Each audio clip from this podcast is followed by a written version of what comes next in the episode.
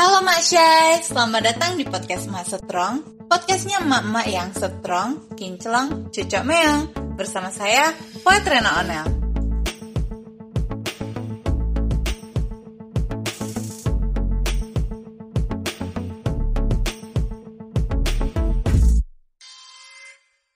Sebelumnya kami rekomendasikan kepada Mak Syai untuk menggunakan headset saat mendengarkan podcast ini. Enjoy Mak Syai! Kembali lagi di podcast Mak Setrong, podcastnya Mak-Mak yang setrong, kinclong, cucok meong Bersama saya Poet Rena Onel. Oke, Mak Syai, Mak Syai sekalian. Ini lagi di tengah puasa, aku tapping menjelang buka. Harusnya masak ya, tapi malah tapping. Nggak apa-apa, yang penting kita sama-sama masih setrong menjalani bulan Ramadan. Plus quarantine day. Oke, kali ini kita mau bahas topik tentang zero waste nih, Mas. Kemarin kita udah sempat bahas zero waste. Uh, kemarin langsung praktek ya, praktek dalam mengolah sampah. Kalau sekarang lebih mau bahas seputar uh, manajemen keuangan dari hasil berzero waste. Kurang lebih begitulah, tapi uh, detailnya nanti aja dijelasin sama yang punya materi yaitu narasumbernya. Aku udah terhubung dengan narasumber kita yaitu uh, seorang dosen dan peneliti di bidang lingkungan. Uh, namanya Mae kalau aku manggilnya Mayang M Rahayu. Uh, beliau akan berbicara. Halo, halo, halo, Mak Mai. Halo, Mak Poet. Ini kita apa kabarnya? Karena, Alhamdulillah baik. Karena udah saling kenal jadi kayak yang deket gitu ya, Pret. Ah, buset. Oke. Okay. Alhamdulillah, alhamdulillah. Alhamdulillah. Ini nggak apa-apa ya kita manggilnya karena dari emak ke emak manggilnya emak aja ya. Kalau di luar mah teh, ada orang okay. Bandung. Uh, ah, ah, tuh. Oke, okay. Mak Mae mungkin bisa perkenalan diri dulu sebelum kita melaju ke materi. Oke, okay, uh, saya Mayang Mangudara Rahayu, biasa dipanggil Mae. Kalau di IG namanya at the Pangfironment, at the titik Pangfironment. Okay. Nah, uh, biasanya saya uh, membawakan topik-topik yang bertemakan uh, lingkungan yang lebih applicable di rumah gitu. Itu kalau uh, topik-topik di apa ya di sosial media saya gitu. Dan sekarang ini uh, saya juga sedang selain lagi banyak uh, work from home juga. Dan uh, sedang banyak mencoba metode-metode buat diterapkan di rumah masing-masing. Itu masih tentang uh, persampahan di rumah juga dengan yang nyambung juga sama pola konsumsi kayak di podcast ini nanti kita Oke, bahas. baik. Oh ya, temanya tentang financial and waste management ya, Mak ya? Iya, AA, betul. Jadi uh, bagaimana sih uh, yang tadi udah dibahas ya sama uh, Poet, itu kayak uh, bagaimana sih kalau uh, less waste ini tuh bisa bikin kita bisa wah jauh-jauh nih ya bisa invest juga bisa, bisa macam-macam dan uh, bisa menghemat juga bisa mempersiapkan krisis gitu. Bisa menghemat dan mempersiap mempersiapkan hal yang, krisis. Oke. Okay. Uh, uh, jadi um, kalau kita lihat ya sekarang ini kita uh, menghadapi uh, krisis ya dari pandemi nanti akan ada new normal gitu jadi kayak mungkin kita akan menghadapi uh, bermacam-macam hal gitu yang baru setelah pandemi ini berakhir dan kita tuh harus mempersiapkan juga juga bagaimana kita jalanin pandemi ini dengan uh, pola less waste kita ini dan itu yang akan membuat kita um, apa ya membuat kita nanti juga nggak kerasa lama-lama keuangan kita tuh bisa di manage gitu. Apalagi Karena... kita di rumah sekarang kita di rumah sekarang ternyata bulan puasa ini nggak ada ya buka bersama gitu yang Iya benar banget. Bulan-bulan puasa tahun lalu tuh jebol aja jebol, tuh betul, duit betul, ya betul, kayak pipis betul, gitu uh, kan. Uh, uh, uh. Uh, Nah, jebol aja duit gitu kayak pipis gitu. Terus ya um, jadi uh, apa ya? Sekarang ini banyak hal-hal yang bisa kita uh, kita syukuri. Sekalian kita tata baru lagi gitu ya. Bukan kita juga, bukan saya juga anti ya sama pemilik bisnis gitu yang uh, pemilik bisnis restoran atau sama di tahun-tahun sebelumnya yang biasa meraup keuntungan dari sini gitu. Mereka pun harus muter otak lagi gitu. Hmm, benar banget. Semua sekarang kayaknya harus uh, muter otak dan mengkonversikan. Mereka pun harus muter otak. Iya benar, benar. Mengkonversikan dari yang uh, dulu nggak cocok untuk menjadi sekarang cocok gitu ya, Mak ya, kurang lebih ya. Karena betul, karena wabah betul banget ini. gitu soalnya. Hmm, hmm, hmm. Iya, soalnya di pandemi ini aku melihat ada juga yang orang yang punya bisnis katakanlah catering apa ya? Catering itu loh, catering nikahan. Sekarang ini buka pesan antar makanan gitu loh. Mm -hmm, benar benar dan benar, benar. Uh, uh, banyak banget hal gitu ya dan sebenarnya pesan antar makanan kayak gitu sebenarnya sah-sah aja ya ntar antar aku bahas gitu ya. Tapi uh, itu tadi apa uh, apa namanya? pesan antar makanan kalau kayak saya gitu ya. Dua-duanya dua-duanya ada kerjaan gitu. Terus harus uh, jaga-jagain anak gitu ya itu kadang-kadang ada waktunya masak atau enggak tapi kalau insya Allah kalau saya sih lebih senang masak sendiri uh, di rumah jadi oh iya udah bisa teratur dengan ya bisa uh, bisa maju dengan teratur gitu jadi kayak apa yang disiapkan apa yang disiapkan tapi juga kita nggak salah untuk kayak misalnya kita lagi benar-benar nggak bisa ngapa-ngapain nih atau lagi craving sesuatu it's okay yang penting uh, itu tadi sih nggak berlebihan aja gitu. Oke, okay, nggak berlebihan. Dan bisa di manage gitu. Dan bisa di manage. Baik, baik, baik. Oh ya, by the way, aku pengen tahu dulu nih, sebenarnya Mak Mai ini kan dosen peneliti dan konsultan lingkungan. Oke, okay, passionnya di lingkungan. Tapi apakah memang dosennya di bidang lingkungan juga, Mak? Uh, betul, saya apa namanya dosen di perguruan tinggi di teknik lingkungan juga karena background saya juga teknik lingkungan. Tapi uh, karena gini loh, passion saya di lingkungan juga. Tapi beberapa apa ya, beberapa waktu yang lalu gitu saya banyak belajar tentang gimana sih uh, gimana ya, nggak nggak nggak banyak belajar gitu, tapi sebenarnya pernah jadi fasilitator di satu media gitu loh ya untuk kayak hmm, lingkungan gitu. Media apa nanti tanya aja DM ya. Oke. Okay. Uh, jadi uh, uh, uh, apa jadi fasilitator untuk sains sama lingkungan gitu. Terus saya lagi kepik akhirnya saya kepikiran gitu ya sekitar 2 2 sampai 3 tahun yang lalu tuh yang biasanya IG IG pribadi gitu. Kepikiran gimana sih cara menumpahkan gimana kita mempraktekkan uh, lingkungan gitu ya, mempraktekkan uh, apa yang saya pernah sekolah dulu tapi bahasanya bahasa pop gitu loh yang bahasa bisa saya pop diterapkan sama orang lain gitu di skala rumahan jadi nggak di skala baik, lab baik. dan universitas aja gitu loh jadi nah. semua orang mm-hmm. dengan semua background itu bisa uh, mempraktekkan ini gitu karena kalau misalnya saya bilang gitu ya saya bilang ke uh, apa ya ke halayak gitu yang uh, backgroundnya macam-macam gitu uh, backgroundnya macam-macam saya bilang tentang uh, bioaktivator gitu terus mereka pada nggak ngerti oh apa ya saya harus cari nih gitu loh. Jadi uh, itulah saya pengen lebih kayak uh, buat uh, buat orang latar belakang apa pun gitu loh. Supaya bisa diterapkan di skala rumahan gitu dengan orang-orang yang latar belakangnya macam-macam. Oke, berarti uh, tujuannya adalah kepengen bisa mengedukasi uh, halayak yang lebih luas lagi, nggak cuman mahasiswa-mahasiswa di kampus gitu ya, Mak ya?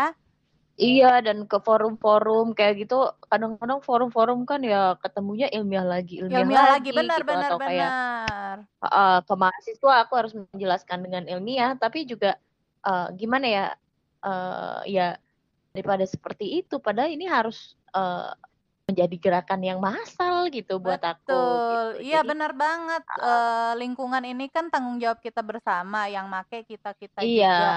Uh, mau mm. orang dengan latar belakang lingkungan kayak nggak lingkungan kayak tetap tetap juga kan menghasilkan sampah-sampah juga ya nggak sih betul Mbak? betul banget iya Jadi betul pengetahuannya seharusnya bisa dikonsumsi publik dan dan uh, mamanya berarti langkahnya udah benar ya uh, lewat apa edukasi di sosial amin, media ya tadi ya Oke.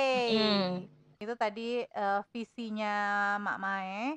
Nah, sekarang nih uh, kita langsung aja masuk ke materi financial and waste management ya kali ya, Mak ya. Oke, iya. Nah, sebenarnya apa sih yang bisa kita manage dari kehidupan berzero waste? Apa yang bisa kita nah, hasilkan? Yang bisa kita hasilkan sebenarnya satu hal sih, karena saya tadi uh, bilang ya, kalau misalnya saya bilang uh, kayak pola ini ini ini itu uh, uh, itu susah ya. Tapi yang apa yang harus kita tahan itu sebenarnya adalah nafsu. Ah, ya kan? nafsu. Gitu. Okay. Nah, nafsu, Bo, gitu kan. Jadi gini, uh, saya mau ngobrol sebelumnya gitu ya. Kalau uh, hal ini udah jadi kesadaran yang uh, terbangun dari masing-masing emak gitu ya. Itu jadi kayak terbiasa kok menahan nafsu itu nggak kayak sesusah itu gitu juga enggak kok gitu. Dan apalagi sekarang tren less waste kan tren zero waste less waste itu makin meluas gitu. Orang-orang banyak Betul. yang mempraktekkan gitu. Terus di sini juga uh, sadar nggak sadar kalau uh, prakteknya less waste ini tuh mempengaruhi kepada finansial gitu. Tapi yang terutama yang harus diubah dari kita yang harus dibangun dari kita adalah kesadaran gitu misalnya apa oh ini saya sadar bumi ini sudah banyak sampahnya berarti saya harus menyelamatkan bumi gitu kan Terus yang kedua juga adalah dulu saya gini, merasa kecewa sama kinerja pemerintah karena infrastruktur buat sampah ini tidak apa ya, tidak tidak maksimal buat saya gitu lah kalau kita bicara data dan fakta gitu kan. Mm, ya. mm, tapi di sisi lain juga akhirnya saya uh, mungkin tambah lama nggak nggak terlalu strict gitu ya, tambah lama tambah oh saya mencari kebijaksanaan gitu di sini. Tapi kita melihat satu poin adalah pemerintah nggak bisa kerja sendiri gitu kan mereka juga harus dibantu nih sama kita gitu mau kita gini deh seolah-olah kita uh, hidup di negara negara uh, ASEAN ya yang ya. kita tahu uh, apa ya status negaranya tuh sama hampir-hampir sama ya kecuali Singapura atau yang di atas kita lah Malaysia gitu tapi uh, cara pengelolaan sampah tuh rata-rata hampir sama hampir masih sama. kayak open dumping, uh, open dumping tuh masih ada kayak gitu dan segala macam. Tapi open dumping itu apa, Mak? Uh, nggak ngerti nih, nggak ngerti. Open nih. dumping tuh gini. ah, oke. Okay.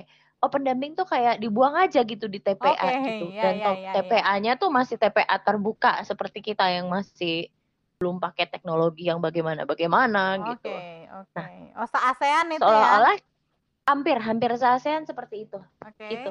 Malaysia pun masih ada open dumpingnya gitu ya.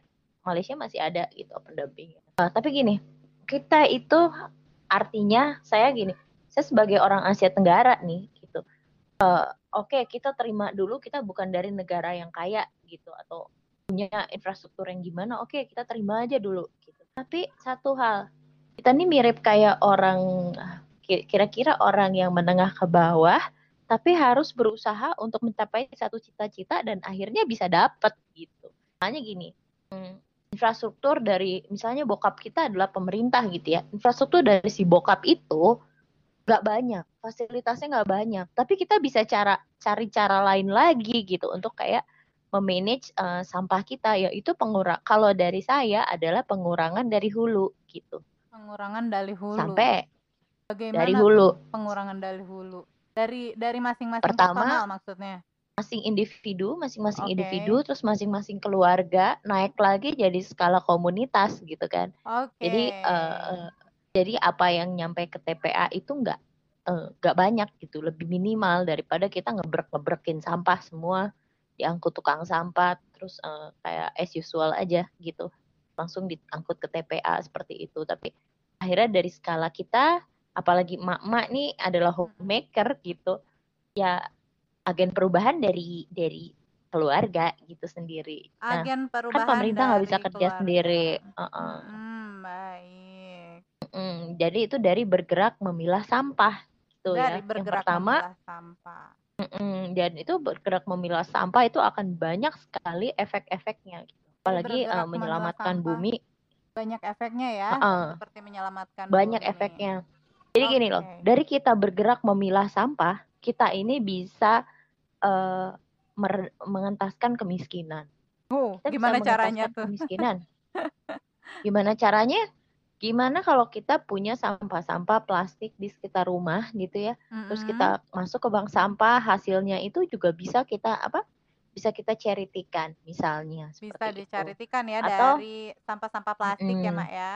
ya bisa diceritikan terus kita misalnya punya barang-barang second hand atau apa dijual terus kalau kita nggak make kalau kita nggak butuh uang juga kita bisa nanti buat kayak charity atau uh, kayak apa namanya tuh kayak uh, ya semacam kita misalnya bikin kebun kayak gitu-gitu Mm-mm, bikin oke. kebun uh, bikin, misalnya uh, kebun segala macam dari kompos kita. Terus uh, juga dari hidup-hidup kita yang uh, minimalis gitu ya. Misalnya dari dari kesadaran mengelola sampah ini ah saya nggak mau nih banyak-banyak sampah tekstil.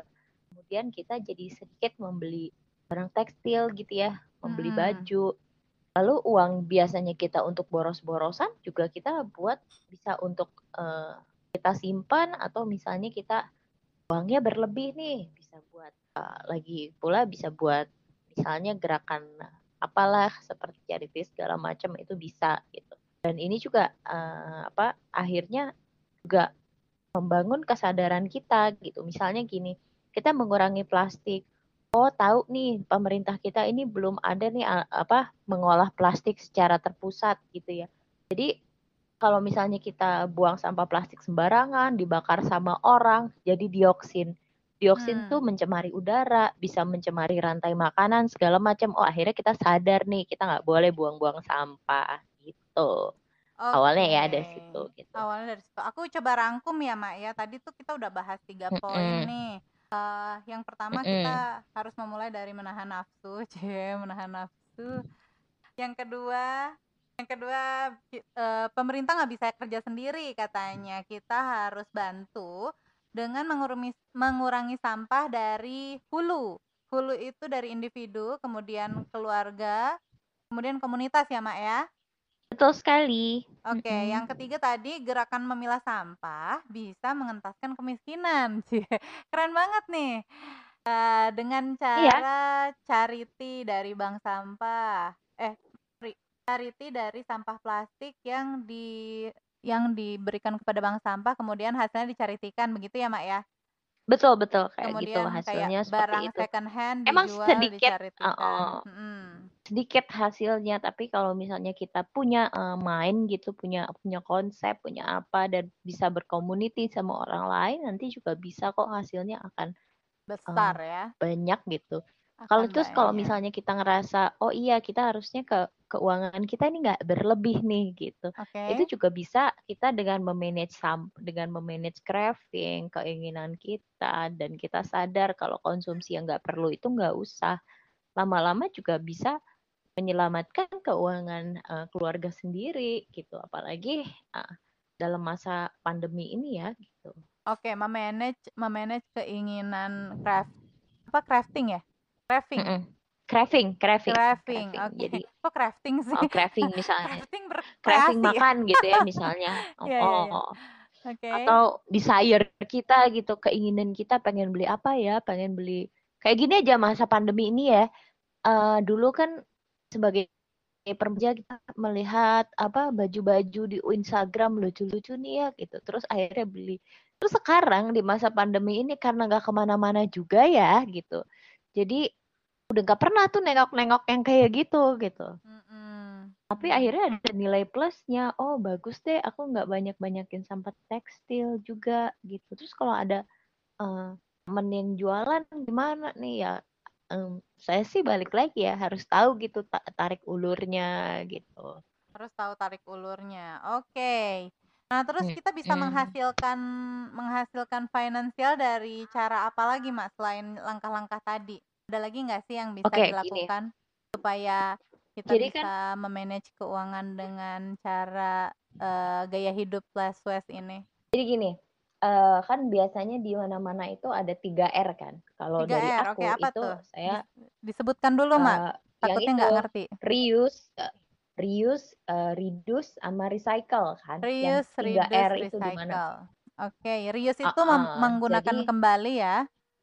Nge- ah, Reuse. reduce. Reduce Reuse itu menggunakan kembali betul. ah, ah, reduce itu mengurangi ya. Mengurangi, reduce mengurangi, terus satu lagi recycle, gitu. recycle. Kita kalau uh, terus recycle gitu, oh bisa nih berdaya guna yang lain gitu. Suatu misalnya suatu stopless gitu, oh iya bisa buat tempat garam gitu. Itu juga udah udah reuse ya. Itu Oke. reuse terus kayaknya oh ini ada botol aqua nih kita jadiin pot nah itu recycle gitu seperti itu kalau reduce kayak aduh kayaknya kita belanja mengurangi plastik ya kita coba uh, masak jangan makan di luar gitu. Go food go food gitu. Jangan deh gitu. Nah tapi ada saya punya tujuh R-nya ya. Jadi yang pertama itu refuse, refuse. adalah menghindari, mm -mm, menghindari. refuse tuh ya. -mm, menghindari atau uh, menolak pokoknya reject cuma lebih halus lah ya. Okay. terus yang ke menghindari yang ke menghindari menolak juga bisa. Terus reduce, reuse, recycle yang kayak aku bilang tadi. Sama satu lagi ada rot, satu lagi ada regrow, dan satu lagi nih yang saya Halo? mitigate gitu. Mana gimana uh, rot? Rot itu apa, Mak? Ah, rot itu membusukkan, bikin kompos. Oh, itu kayak bikin kompos. Rot, baik. rot itu bikin kompos ya. Mm-mm, membusukkan. Terus regrow itu biasa kita menanam kembali gitu. Menanam yang apa? kembali. Yang uh, rot itu kayak apa regrow sorry itu menanam kembali. Jadi kayak yang oh sisa-sisa bawang daun masih ada akarnya gitu tanam aja. Terus ntar ntar bentar lagi dia tumbuh tuh jadi tinggal gunting-gunting aja kalau udah ada telur gitu loh ya. Terus nungguin ini tumbuh gitu ya kita uh, beli lagi kemudian itu digunting. Terus yang baru ini di taruh lagi ke tanah. Eh yang lama udah tumbuh, gunting lagi. Oke. Okay. Begitulah. Itu bisa bisa berguna banget itu. ya, benar-benar benar. Iya. Oke. Okay. Dan kalau misalnya kita punya biji tomat, biji cabe gitu bisa dimasuk-masukin ke tanah aja langsung. Nanti juga dia tumbuh dan akhirnya nanti kita bisa punya pohon cabe gitu. Iya bener banget kalau mama itu udah mengurangi biaya belanja cabe ya. Hmm, jadi kalau misalnya kayak saya ya itu punya pohon cabe, pohon cabe pohon cabenya kalau yang cabe merah itu jarang lah, jarang-jarang berbuah gitu. Tapi kalau yang cabe cengek itu uh, hampir setiap waktu dia keluar gitu. Oh iya, kalau cengek gitu. lebih Walaupun, mudah memang ya mak ya tumbuhnya. Dan mm -mm. cabe merah tuh yang gede-gede itu ya? Iya, yang besar-besar. Oh iya, kalau besar emang agak lama kayaknya ya. Musiman nggak mm -hmm. Kalau itu emang agak. Aku kurang ngerti. Iya okay. sih, kalau itu emang agak lebih lama keluarnya. Terus uh, uh. satu lagi, remitigate itu jadi gini. Nah, remitigate itu kita apa? harus kritis mitigasi gitu kayak oh, mitigasi. mitigasi bencana alam gitu. Kita harus tahu dengan sistem yang kita punya ini, kita harus memitigasi sampah kita dari rumah sendiri gitu. Dengan sistem negara yang punya gini nih, oh infrastrukturnya seperti ini. Oke, kita mitigasi nih. Dari hasil konsumsi uh, sisa uh, konsumsi kita, uh, anggaplah sampah adalah bencananya gitu ya. Okay. Terus uh, uh, apa namanya kita ber, kita ngemitigasi nih. Uh, mitigasinya adalah bagaimana cara si sampah itu keluar supaya nggak masuk TPA. Itu cara memitigasi sampah gitu. Sampah keluar tapi nggak masuk TPA. Okay. Uh -uh, Jadi misalnya dengan cara mengkompos atau Jadi apa? caranya gini, uh, macam-macam. Kalau okay. sampahnya anorgan uh, sorry, sampahnya organik gitu ya. Kita ngomongin organik dulu. Mm -hmm. Itu bisa ada cara-cara. Cara yang pertama itu kompos, Yep. Cara yang kedua itu bikin ekoenzim kalau ada sampah sayur dan buah difermentasi. Okay. Yang um, berikutnya itu adalah kayak yang tadi aku aku ini ini ya uh, regrow gitu ya sampah oh, organik tuh okay. biji-bijinya bisa bisa di regrow atau dikonsumsi sampai habis gitu. Misalnya gini, kita bikin jamu. Jamu yeah. beras kencur eh jamu kunyit kunyit asam lah. Okay. Ini yang yang konkret aku kunyit asam si kunyit asam ini kemudian biasanya suka diperes kan. Eh itu masih ada sisa-sisa apa? Sisa-sisa uh, namanya Rempahnya. kayak rempah-rempahnya uh, gitu, pon-ponnya. Uh, Nah, itu dipakai ngerendam ikan buat ngegoreng ikan. Oh iya benar sih bisa.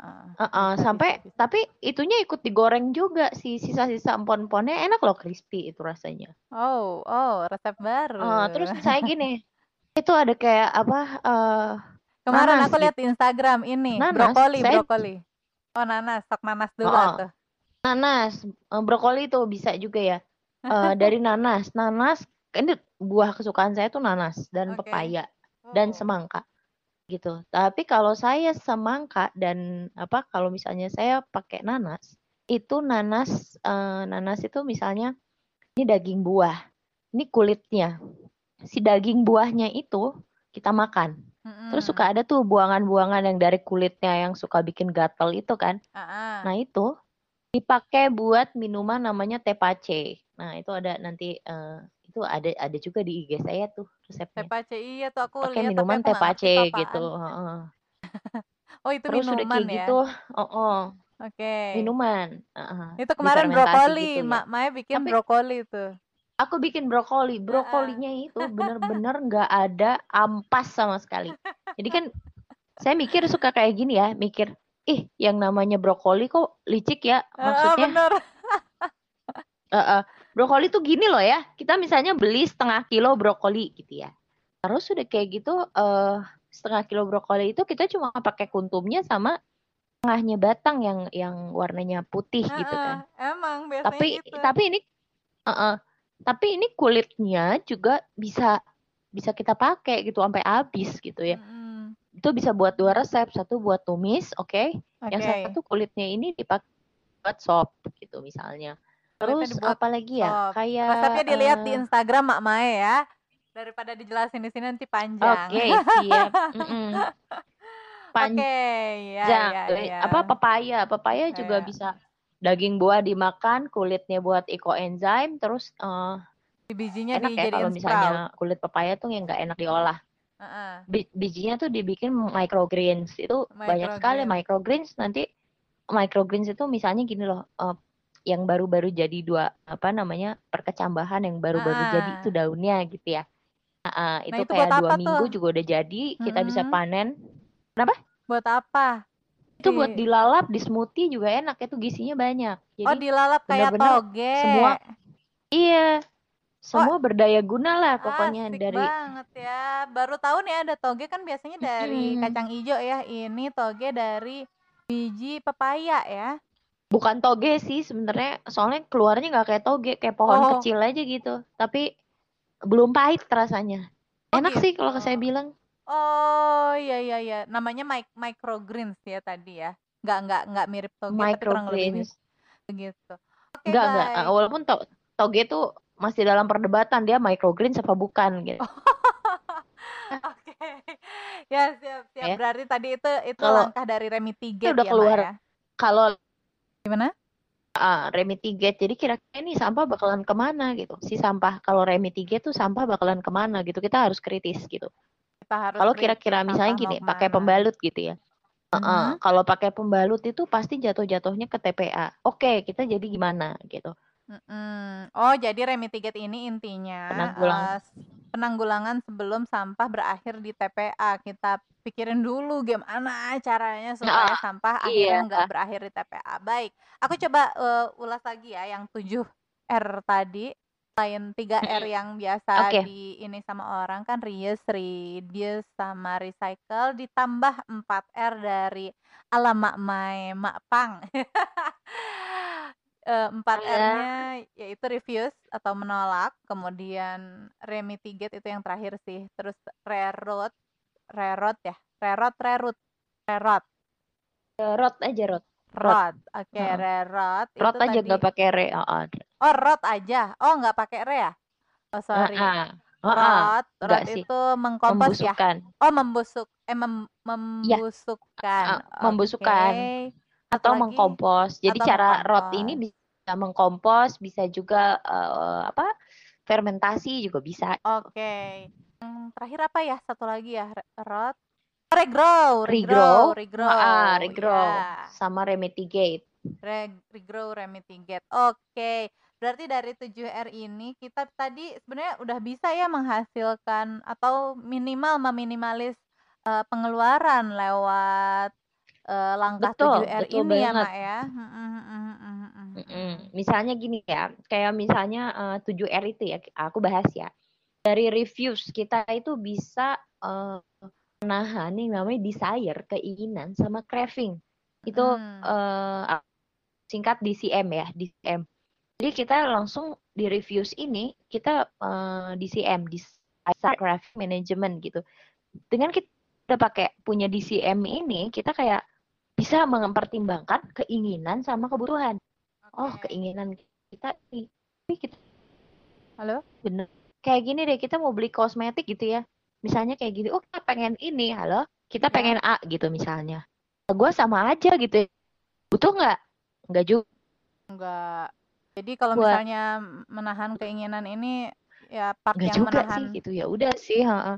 akhirnya mm, Oke. akhirnya gini loh misalnya kita eh, punya desire and eh, craving tadi ya misal eh, satu hari kita pengen eh, jajanan mall gitu seharga 26.000 ribu terus kita ingin lipstick seharga 80.000 ribu nah yang biasanya uangnya kita keluarin kita ketika kita punya keinginan itu langsung uang itu disisihin buat disimpan gitu loh Oke, bisa bisa untuk eh, saving berarti ya kalau misalnya reviews. iya Oke. Heeh, jadi kayak reviews ini kan hubungannya kalau di financial management uh, through zero waste ini itu DCM tadi, desire and craving management. Jadi desire ketika and kita punya desire, management. keinginan, misalnya ke keinginan apa ya? Eh, gue pengen lipstick nih, 80.000 ribu harganya. Terus gimana nih caranya? Ah, udah kita nggak usah beli nih. Kita ternyata nggak butuh-butuh amat. Simpan di pos yang lain gitu. Di pos yang lain gitu. Eh, di pos keuangan yang lain, entah itu rekening Oke. lain atau uh, bank ya bank account lain atau di celengan juga boleh. Lalu oh ini hasil DCM kita nih, kita invest nih ke pos uang. Kita Oke. saving. uh-uh. Terus Siap. kita misalnya pengen apa uh, craving apa gitu ya, misalnya the crabs. Eh jangan sebut merek ya. Nggak apa-apa ya intinya gitulah ya Uh-uh. Mak ya. Berarti eh, Kayak, bisa iya, meminimalis uang Disimpan aja uangnya. dengan cara Uh-uh. disimpan. Selain reviews tadi kalau Uh, contoh-contoh yang lain udah ya tadi dijelasin ya. Sekarang aku pengen nanya nih Mak, uh-uh. sejak kapan? eh tadi mana sih formnya? Sejak kapan si waste manage sejak kapan siapa dan di mana saja financial and waste Mm-mm. management dapat diterapkan? Uh, pertama di rumah ya. Yang tadi Oke. kita Yang posnya dari dulu hulu ya. gimana nih? Bikin juklak dulu. Uh-uh. Mm-mm. dari rumah nih ya. Pertama dari diri kita sendiri karena eh, kita kan apa namanya kalau salah satu prinsipnya Ki Hajar Dewantara juga kalau misalnya kita mau mendidik orang kita kasih contoh nih. Kalau misalnya kita lagi juga merasa powerless untuk bicara, kita kasih contoh aja gitu. Oke. Apalagi anak-anak ya itu eh, monkey see, monkey do gitu ya. Jadi kita ngelakuin apa Dilakukan biasanya juga. mereka ngikutin, benar, Bo, benar, gitu benar, ya. Benar, benar, benar, benar. Udah lah kalau gitu, ah kalau gitu kita harus melakukan yang baik dan benar gitu ya. Misalnya aku mau eh, nyuplik dari 7R tadi ya. Terus tadi aku udah bahas tuh yang agak panjang yang DCM dari reviews. Oke. Terus reduce. Misalnya gini, reduce itu mengurangi kayak gini, space rumah nih terlalu penuh gitu. Kalau kita beli banyak beli eh jadi sampah gitu. Jadi ya oh ya udah mengurangi aja misalnya eh, kita beli lemari gitu ya. Beli lemari, pengen lemari lagi, pengen lemari lagi gitu, tapi akhirnya jadi penuh. Udah aja satu lemari yang kita bisa berfungsi gitu. Jadi kita mengurangi apa eh, konsumsi kita gitu. Betul. Nah, Keinginan kita yang tadinya membeli tiga lemari dengan fungsi macam-macam itu, keinginan buat eh, apa dari keinginan itu nyambung sama DCM tadi bisa ini oh lebih murah dan lebih lama dan lebih banyak fungsinya dengan satu lemari. Terus sisa uang buat beli tiga lemari itu bisa kita simpan lagi. Ya, baik. Terus kapan di mana Mm-mm. saja dari rumah ya? Sejak kapan? Mm-mm. Sejak kapan bahkan sejak kecil pun bisa diterapkan ya, Mak ya? Ah, iya banget bisa. Jadi misalnya kayak eh, reuse ya. Reuse ini kayak kalau misalnya kita udah punya eh, anak atau eh, anak ini punya sepupu yang lebih tua atau punya adik gitu ya. Kami punya anak dua nih, aku baru satu. Terus eh, misalnya gini, eh, apa namanya? Untuk ini ada reuse ya, turunan dari misalnya kakak sepupunya ada baju gitu. Itu lebih baik kita eh, pakai seperti itu gitu loh. Karena Oh gini, iya. eh, saya punya nih, saya punya sepupu yang lebih tua dari saya gitu ya. Eh, terus lebih tua dua dua tahun apa tiga tahun ya dari saya ya, sekitar segitulah. Terus eh, dia itu punya rok yang diturunin sampai eh, generasi anak ponakan saya. Oh, wow. Udah turun temurun banget. Itu Itu nggak rusak tuh. itu luar biasa banget. Berarti dari budenya enggak, enggak rusak oke. itu dari Berarti budenya. ya ya itu berarti emang Dari tahun sananya 8 bagus ya. 84 ya. Dia dari tahun Hmm. 84 tuh si Wow, si wow. budenya itu lahirnya tahun 84. Itu eh, kalau mari sih apa rok dari tahun 84 si rok kotak-kotak itu kepake sampai 2018. Wow. Luar biasa. Rok anak-anak ya? Rok anak kecil, iya. Dari Oke. jadi pas saya foto dia kaget, "Hah, ternyata rok itu sudah turun temurun," gitu kan. Tapi ini sih, Ma, itu akan eh, nyambung lagi dengan eh, kalau misalnya memperhatikan yang tren fashion sekarang kan bahan-bahan bahan baku baju-baju fashion sekarang ini yang fast fashion ini kan lebih cepat beli, cepat rusak gitu. Kalau misalnya sudah bertahan dari tahun 84 kan artinya itu memang yang serius ya bahannya. Berarti kita juga harus belanja. Iya. Kalau misalnya belanja itu harus yang bagus sekalian, tapi lebih awet, kurang lebih begitu ya berarti ya, Mak ya? Kalau aku sih iya seperti itu ya ujung-ujungnya dan punya barang itu satu emang gua nggak bisa beli lagi gitu. Heeh, Bikin aja, bikin aja jadi kayak gitu manajemen keuangan lu gitu. Jadi kayak Oke. eh, apa ya? Ya terus udah kayak gitu dari kapan? Eh, dari kapan nih apa dulu? Bisa dimulai dari kecil iya atau dari gini, ketika kita sadar cepetan kita mulai daripada mood itu hilang gitu. Bener bener. Ketika sadar cepetan mulai. Nah, Mama nih penting banget. Kalau enggak lupa lagi. Lupa Soalnya gini, lagi. mama nih ya, apa ya motivasi, aduh aku bukan sombong ya, tapi pengen kurus gitu ya, gitu ya. Oke. Saya emang berbakat eh, udah kurus sih. Gitu. Iya Eh, sih, Mama emang kurus. pengen kurus gitu, Eh, pengen kurus gitu ya, pengen. Tapi kalau tiap ke Indomaret tuh beli snack dalam kemasan terus, lo mau kapan udahnya gitu kalau seperti itu gitu. Terus kita kalau udah sadar nih, kalau beli snack-snack di eh, apa ya, snack-snack di gerai-gerai seperti itu, langsung oh iya ingat ada sampahnya gitu. Eh, harga snack itu berapa? 7.000. Aku simpen ah 7.000 buat apa gitu. Mungkin buat eh, beli tambahan bahan makanan, siapa tahu ada Mm-mm. mamang pemulung yang lewat bisa kita kasih makan gitu atau Mm-mm. Bener bener. gimana kayak gitu-gitu itu atau buat kita, buat kita hemat, kita kumpulin, siapa tahu masuk ke dana darurat gitu juga bisa gitu. Desire kecil-kecil tuh nggak kerasa, Betul kecil-kecil nggak banget. kerasa. Iya.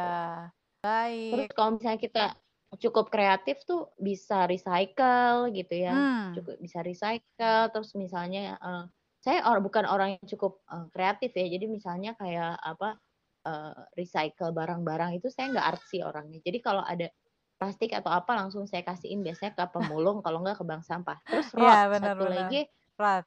rot itu juga misalnya kita punya kompos, terus kita nggak punya lahan yang besar dan eh, apa kita nggak menanam atau kita ya kita belum menanam ya baru regrow regrow, oke suka ada kan yang namanya eh, apa situs-situs penjualan online itu bisa Heeh. kita juga jual di situ Maksudnya hasil kepada komposnya. petani hasil komposnya atau Oke. kita jual ke petani atau kita ngasih gratis juga itu juga udah investment buat mereka dan amal-amalan juga gitu insya Oh Allah iya buat bener kita gitu kan banget. Kalau misalnya dan kita apa mengkomposkan kemudian sekalian Heeh, sekalian komposnya buat mereka jadi nggak tergantung sama pupuk kimia lagi ya nggak sih bener jadi organik ya, jadi sehat hidupnya ya. Mm-mm, akhirnya kan jadi berdampaknya besar gitu ya jadi Betul betul se- betul. bisa kita jual mungkin ke orang-orang yang berurban farming gitu kekurangan kompos nih gitu misalnya Ya kita tinggal kita jual gitu pinter-pinter walaupun aja sih ya ngolah dan ngulik. Heeh, betul banget gitu terus kayak eh, apa ya balik lagi ke re- refuse reduce eh, yang 7R itu ya. Biar Mm-mm. kompos nggak penuh gitu kan kita bisa masak atau makan secukupnya. Terus biar kompos nggak penuh itu ngapain lagi tuh ya? Iya kita bisa mengolah bahan makanan sampai habis sampai misalnya jadi dua resep gitu. Mm-mm. padahal bahannya cuma brokoli setengah kilo doang gitu. Tapi nggak ada yang kebuang sama sekali gitu terus Oke. eh, menghindari perbuangan makanan iya kayak gitu. Terus yang konsumsi pangan berlebih juga kita juga nggak boleh ya. Akhirnya kita tadi yang kayak di gerai ketemu snack itu akhirnya kita jadi terdorong untuk masak dan mengkonsumsi makanan sehat. Bener karena si zero waste ini banget. Dari zero waste jadi gitu. mengkonsumsi makanan sehat. Ini penting loh, Mas, soalnya kayaknya eh, apa namanya gerakan zero waste udah nih. Terus kayak sekarang nih eh, aku agak ini sih eh, wabah corona ini yang ditekankan kan kayak masker, terus eh, kebersihan. Tapi kok eh, pola makan nggak terlalu di ini ya, maksudnya nggak terlalu disuarakan. Padahal banget kalau Heeh. misalnya kita bisa membuat daya tahan tubuh kita menjadi kuat gitu kan otomatis virusnya kalah sendiri gitu loh. Aku sampai heran Ya kenapa insya Allah sih virusnya kalah Mhm. sendiri gitu kan. Mhm, bener. Pola makan tuh kurang di ini Kurang kan di karena ini kan nih, kadang-kadang kurang dikampanyekan. Heran juga aku. Kenapa ya? karena kadang-kadang takutnya misalnya menyinggung yang aduh eh, menengah ke bawah gitu. Nggak usah menyinggung yang menengah ke bawah atau gimana gitu ya. Kalau kita mengkampanyekan ini terus nanti juga ada donasi, donasinya berupa makanan yang sehat gitu Nah. atau itu juga bisa juga sih ya sebenarnya gitu. Jadi Mhm. saya mah saya mah suka gedek aja ya kalau misalnya orang pembagian sembako eh ada mie instan di dalamnya lah gue gedek ya Iya bener. Ngapain juga ya ampun itu nggak ya ada gue gedek lah sehat-sehatnya. gitu Mhm. Heeh, terus udah kayak gitu eh, ya telur oke lah gitu misalnya satu lagi apa tepung terigu dah Ya, tepung terigu tuh sama sama sekali itu nggak sehat gitu ya dan Ya ya eh, ya. insya Allah saya udah nggak nggak konsumsi tepung terigu kecuali kayak kecelakaan lah gitu eh minta dong bleb gitu ya, seperti itu gitu Oh, yang seperti udah seperti nggak itu gitu karena tepung terigu. Beneran nih, kenapa Ma, udah nggak konsumsi tepung udah terigu. udah enggak Wow, hebat, eh. Nahan nafsu. Oke. Eh, itu karena ini loh itu baru didigest sama tubuh kita tuh setelah Mm-mm, lama memang sih, tiga memang hari dia dan sulit cerna istilahnya ya. sulit cerna jadi kalau mm-mm. misalnya mau mengurangi gelambir-gelambir ya tipsnya Kurangnya tepung tepung terigu. terigu Oke, baik, berhenti Mbak. sekalian terus orang hah Berhenti. gitu Oh, bukan kurangi ya, berhenti sumpah tepung terigu. berhenti sekalian kalau Ah, bisa gitu. Oke. kalau kurangi mah nggak apa-apa lah gitu. Aku kayaknya masih kurangi sih, Mak. ya sedikit-sedikit lah Ah, syalah benar. Oke, kita ke masuk ke Q&A kali ya, Mak ya. Di sini ada beberapa pembahasan yang mungkin bisa ah juga. ah. Ini ada tiga pertanyaan. Aku lupa kemarin ada satu pertanyaan baru belum disubmit ke Mak Mae, tapi bisalah insya Allah dijawab ya. Mungkin yang pertanyaan baru dulu ya, aku baca ya. enggak mah sok Eh, ini dari Mak Eca. Zero waste lifestyle merubah pola lifestyle menjadi healthy, Eh, atau healthy lifestyle yang membuat orang er- aware dengan zero waste lifestyle. Mana dulu nih telur itu ayam nih? tergantung orangnya tergantung orangnya Oke. dulu saya dari healthy dulu baru melek ke zero waste karena eh, apa ya karena Oh, iya ya tentang ini tapi kalau misalnya kita kirain kita dari sih mamanya sebaik dari zero waste dulu baru ke healthy. oh enggak Kebalik malah. saya ke healthy dulu ke Oke. saya ke healthy dulu dulu eh, wow pokoknya memulai healthy yang kayak gitu-gitu dari 2011 tapi bener-bener Oh. zero waste kayak eh, atau less waste itu 2017 lah Oke. 17-an akhir lah nah itu itu tergantung orang ya tapi lebih baik kalau yang saya dari jalan hidup saya gitu ya Mm-mm. itu lebih baik dari zero waste dulu karena kesadarannya bakalan tumbuh Bakal tumbuh tumbuhnya ya. enak gitu loh Mm-mm, bakal tumbuhnya tuh dari bawah ke atas terus enak gitu loh tumbuhnya kalau dari healthy dulu kalau saya dulu healthy Mm-mm. terus saya jadi beli jadi beli produk-produk healthy tuh banyak banget tapi aku nggak mikirin nih sampahnya gimana gitu I see. Baik, baik, baik. Uh, kalau dari healthy dulu seperti itu. Kalau dari zero waste kesadarannya terbentuknya lebih enak. Oh, aku Hmm. dari ini aku harus mencari sumber healthy yang lain. Apa nih? Gimana caranya? Gitu. Terus Oke. akhirnya naik lagi dari dari healthy ini jadi pengen oh aku mengolah bahan-bahan healthy ini harus mencit harus sampai habis. Jadi jangan nyampah.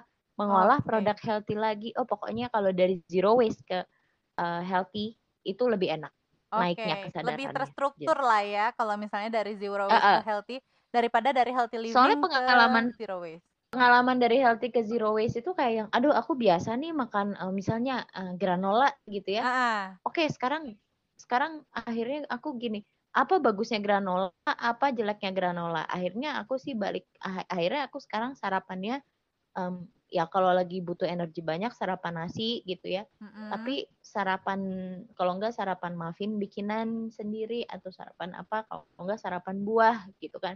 Oke. Gak usah kayak granola yang banyak eh, kemasannya gitu misalnya. Tuh. Oke, sekarang kita masuk ke pertanyaan kedua ya, Mak ya. Ini dari Monggo, iya. Maya, mirip nih, Mak, namanya. Maya. Oh, Kalau oh, mirip, euy. nerapin Aku juga panggil Maya. Oh gitu. Kalau nerapin zero waste di rumah cuma sendiri, apa yang perlu disiapkan, Mom? Enggak. di rumah sendiri Maksudnya uh, mungkin orang pasti- rumahnya nggak ada yang nerapin juga kali. Cuman dia mm-mm, sendirian. yang pasti kesadaran dan Mhm. mental yang pertama kali itu Mental ya. terus yang harus disiapin tuh heeh, yang pasti gini aja dulu tempat sampah in eh, anorganik sama organik udah aja gitu Oke, jadi kalau misalnya dari situ bentuk aja dulu kebiasaan gitu bentuk kebiasaan. Mungkin nanti lama kelamaan orang Mm-mm. rumah juga ngeliat ya. Jadi ikut-ikutan. Iya, jadi lama-lama naik gitu levelnya. Oh, ini harus aku misalnya anorganiknya nih nyampur-nyampur nih. Masih nyampur-nyampur nggak apa-apa. Ada baterai, baterai kan B3 ya. Ya, Ada sampah elektronik, ada ini. Nggak apa-apa, nyampur-nyampur aja dulu gitu sampai bentuk kebiasaan. Lama-lama dipecah lagi, misalnya kertas sendiri gitu. Anorganik ini sendiri gitu. Jadi eh, nanti pas di sorting mau oh, yang kedua adalah lihat nih bank sampah atau tukang loak atau pemulung terdekat ada nggak nih gitu loh. oke, baik. Gak numpuk sampah anorganik di rumah gitu, Fet. Oh, Mm-mm. oh. Berarti selain mental kita harus men- menyiapkan tempat sampah dua macam ya, yang organik dan anorganik. Mm-mm. Dua aja dulu. Mm-mm. Oke. Sampai akhirnya nanti dipisah meningkat. jadi berapa, terus sampai Oke. akhirnya uh, bisa mengolah sampah-sampah organiknya jadi ekoenzim. Ya itu yang buat ini loh. Ekoenzim juga bisa buat penghematan. Jadi kita modalnya cuma gula satu kilo, Mm-mm. air 10 liter, uh-uh, sama sampah buah itu 3 kilo, kita udah bisa bikin pembersih. Itu dari 10 liter pembersih ekoenzim itu, kalau aku tuh habis buat berapa bulan ya? Untuk fermenting lagi 3 bulan itu bisa buat si lantai, bisa buat disinfektan udara ya. Uh, Ah. Kalau ke tangan, kalau saya agak keras ya. Kalau buat ke tangan, Oh, kulitnya agak agak sensitif. keras toh. Oke, oke. Eh, kalau enggak sih kalau untuk jadiin hand sanitizer gitu ya harus eh, hand sanitizer saya belum terbukti dan apa juga kalau itu agak-agak perih kalau tangannya ada luka gitu ya tapi Oh, kalau untuk lantai untuk eh, cuci piring untuk baju itu mantep mantep banget Mantap. itu Eh, tapi kalau untuk sampai- cuci baju berbekas sampai- gitu nggak sih, Mak? Yang putih gitu? Enggak sama sekali Oh, Nggak. enggak ya? Soalnya kemarin ngobrol nih Nggak. sama salah satu narasumber juga tentang ekoenzim juga. Belum Mm-mm. berani katanya dia ke baju putih, Mm-mm. takutnya bernoda kan karena dari gula ya. Tapi mantap tuh untuk ke baju aman-aman. Eh, aman sih kalau kalau aku biasanya dicampur sama lerah kalau enggak pakai kalau udah nodanya buandel banget ya kayak maksudnya maaf maaf kotorannya anak gitu ya Ah, ah, ah. itu biasanya sih pakai eh, atau di orang-orang yang pakai apa Lodi gitu ya biasanya pakai deterjen tetap pakai deterjen karena itu kotorannya anak kadang nancepnya nempel nancepnya lumayan gitu kan ya Ya benar benar benar. Ya itu tinggal diakalin aja lah ya, Mak ya. lumayan itu eh, eh. Heeh. tinggal diakalin aja tapi untuk baju-baju orang dewasa yang cuma aktivitas-aktivitas eh, katakanlah cuman bau ketek bau ketek doang gitu tuh nggak apa-apa sih Gak apa-apa ya. Oke. Ini ada pertanyaan apa-apa ketiga, Mak. Mm-mm. Ya. Mm-mm. Stress management seperti apa yang cocok untuk keluarga kecil? Contohnya bapak, ibu, dan satu anak. Enggak, Mak? wah itu persis banget ya kayak keluarga saya gitu ya Ah, ya benar persis. ini aku punya anak umurnya 2 tahun gitu ya terus eh, itu ini aja karena keluarga masih gini ya kalau kata eh, salah satu atasan saya gitu ya ngomong dia anaknya banyak bilang banyak anak banyak masalah bener kalau kita baru satu anak ya Heeh, benar benar benar. it- itu bener banget Saya aja apalagi dia, anak dia punya anak berapa ya lima laki-laki isi kepalanya beda-beda kan mampus kayak gitu ya benar, benar, Nah, kebetulan karena masih punya satu anak gitu ya, dan satu lagi ada apa namanya kita ada partner kita Pak suami gitu ya misalnya, kita mulai komunikasikan nih gitu. Aku mau zero waste loh karena begini-begini. Kira kamu gimana gitu? Ya udah yuk kita siapin. Aku mau siapin dua tempat sampah. Kamu eh, yang ini ke sini, ini ke sini gitu. Pokoknya pegal sih pegal pertamanya bagi yang nggak biasa. Gitu. Terus aku pengen Hmm. menghindari barang-barang ini. Lama-lama dikomunikasikan seperti itu. Terus aku nggak mau nih banyak beli yang di plastik-plastik. Jadi ke mana? Kita belanjanya bulk shop gitu misalnya. Terus atau enggak kita kemasan-kemasan besar. Terus apa? Ke anak kita. Eh ayo eh, kita misalnya punya satu anak atau dua anak gitu ya misalnya. Ayo kita masukin ke sini yuk gitu. nanti habis ini uh, misalnya dapat reward uh, apa ya masak makanan kesukaannya dia gitu misalnya. Anak dua tahun udah bisa kok di kayak gini. Ayo ayo masukin ke mana yo masukin ke sini gitu udah, bisa dikasih udah instruksi bisa. ya mak udah ya? bisa. Uh -uh. udah udah bisa. Udah udah bisa kalau kita rajin benar mandir misalnya. Karena gini ya, awalnya aku juga ngasih instruksi anak gara-gara dia udah bisa. Tutup dong pintunya dia udah bisa. Oh ya udah berarti bisa dong. Ini botolnya masukin ke mana? Gitu misalnya hmm, botol masukin ke oh, tempat sampah ke sini. ini. Kalau makanan masuknya ke tempat Terus, sampah yang satu lagi. Uh, uh, tempat sampah yang satu lagi. Kita yang ngaduk-ngaduk. Ngaduk-ngaduk hmm. si uh, komposnya tetap oh, kita iya, ngaduk-ngaduk harus diaduk-aduk ya. benar yang benar benar benar. Uh, tapi yang pasti dia udah sadar aja kalau harus dimasukin ke situ gitu. Oke, okay, baik. Berarti uh, seperti itulah ya kurang lebih. Oh, yang paling simpel pokoknya uh, siapin aja tong sampah dua biji uh, untuk organik dan anorganik itulah ya yang Iya, untuk, itu aja untuk dulu. Pemula uh, mah. Okay. Nanti kita ngomong ke gitu pas di kalau nggak pilah gitu ya kita kasihin yuk semua buat siapa Pak itu Pak uh, pemulung atau ibu pemulung misalnya ya kasihin aja gitu mm-hmm, benar, benar, meringankan beban tempat benar. sampah gitu I see oke okay, semua Q&A udah masuk dan udah dijawab sama Mak Mae sekarang kesimpulan kali Mak sebelum kita tutup kesimpulan dari Mak Mae apa nih untuk materi kita kali ini financial and waste management oke okay, jadi sebenarnya kalau financial and waste management gitu ya, uh, kita dari 7R ini kita bisa saving sama investment gitu. Mm. Dengan melaksanakan 7R ini dengan yang tadi aku uh, bilang ya apa mm -hmm. kayak DCM, Design and Crafting Management, terus kita uh, reuse lagi. Jadi kita bisa uh, hidup lebih minimalis lah dan lebih uh, teralokasi uangnya itu baik gitu seperti dana darurat, dana sosial juga apalagi kita butuh gitu.